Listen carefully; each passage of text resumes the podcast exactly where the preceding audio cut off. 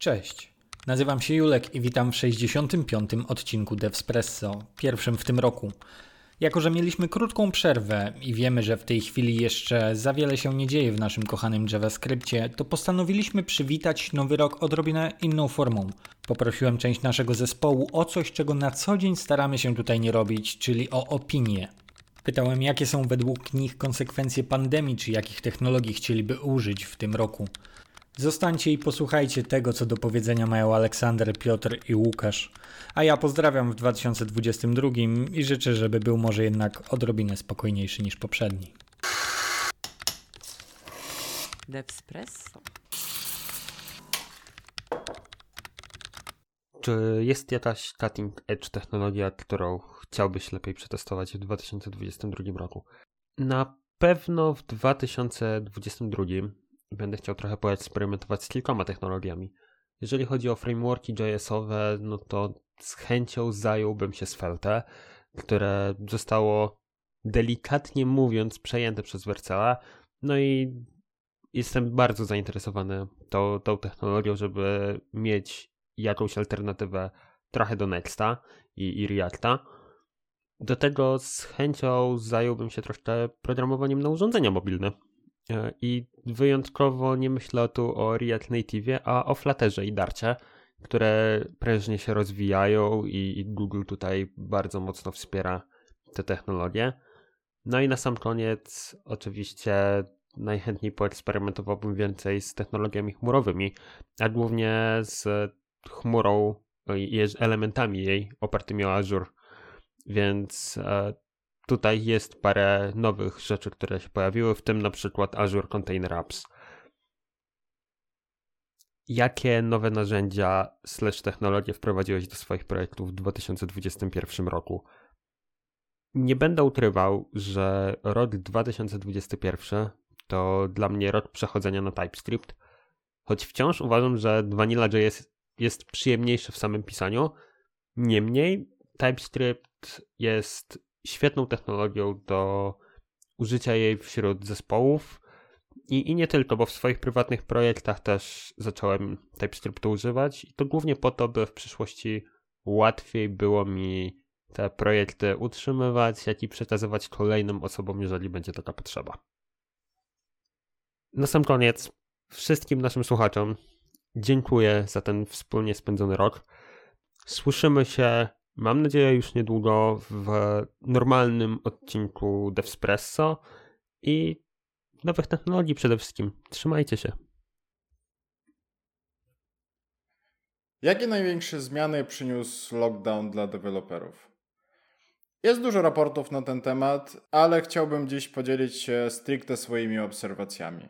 Na początku lockdownu było po prostu dziwnie. Mniejsze software house'y zaczęli zwalniać juniorów, żeby troszkę zwiększyć budżet i utrzymać bardziej wartościowych pracowników w firmie w razie ewentualnych problemów ze zleceniami.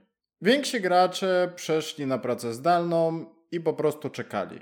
Na początku pandemii rozmawiałem z kilkoma analitykami z dużych korpo i każdy mówił to samo.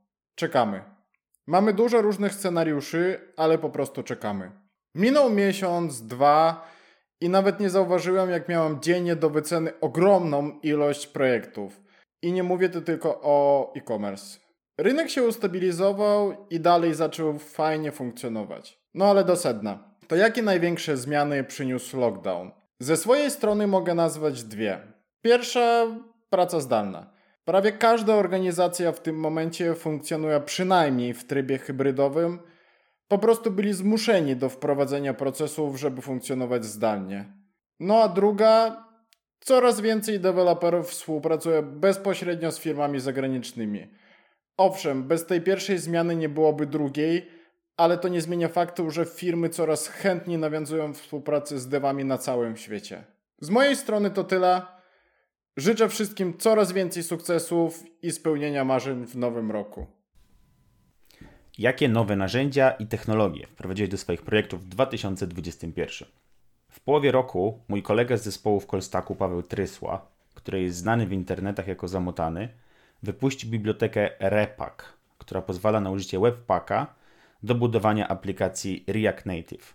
gdzie zwykle standardowo używa się innego bundlera, bundlera Metro. No ja mówiłem o tym narzędziu już u nas w Despresso, jak również w kolstakowym podcaście React Native Show. No i w trakcie przygotowań do tych nagrań pobawiłem się trochę tym repakiem w kilku testowych aplikacjach, e, jak również udało mi się nabić open source'ową kontrybucję do tego projektu, poprawiając dokumentację oczywiście. Czy jest jakaś cutting edge technologia, którą chciałbym lepiej przedstawić w 2022? W nowym roku chciałbym wreszcie pobawić się i przetestować nową architekturę React Native'a, e, w której w końcu będziemy mogli pozbyć się asynchronicznego bridge'a na rzecz synchronicznej komunikacji między JavaScriptem a natywną warstwą aplikacji za pomocą JSI, czyli JavaScript Interface. Te zmiany były już wielokrotnie zapowiadane i komunikowane od ponad 3 lat, ale jeszcze do niedawna nie było żadnych opracowań na ten temat, a pojedyncze biblioteki, jak na przykład Reanimated, zaczęły to wprowadzać trochę na czuja, pracując z różnych yy, nieoficjalnych źródeł.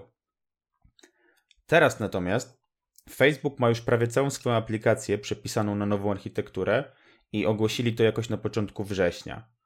E, od niedawna dokumentacja też jest już oficjalnie w kanałach dyskusyjnych na GitHubie, gdzie wspólnie z community jest wypracowywany ostateczny kształt tego dokumentu. Ja myślę, żebyśmy zlinkowali całą tą dyskusję w odcinku, bo moim zdaniem to jest bardzo ciekawy proces, który można podejrzeć teraz na GitHubie. Jak wygląda praca nad takim ogromnym dokumentem, który ma w tym momencie, jak to mówię, 2000 ponad niezwiniętych linii w pliku MD i około 50 komentarzy. Więc tak jak już powiedziałem, jednym z moich noworocznych postanowień to jest właśnie wypróbowanie tej nowej architektury i to będzie bardzo gorący temat na pewno w całym React Native'owym community w 2022 roku. Dzięki, że zostaliście do końca. Dajcie znak w komentarzach, jakich wy chcielibyście użyć technologii w tym roku i jakie największe zmiany widzicie po 2021. W przyszłym tygodniu słyszymy się już w normalnym wydaniu JS News, gdzie opowiemy standardowo o tym, co się obecnie dzieje w najważniejszych paczkach i jakie czekają nas wydarzenia w tym roku. Cześć!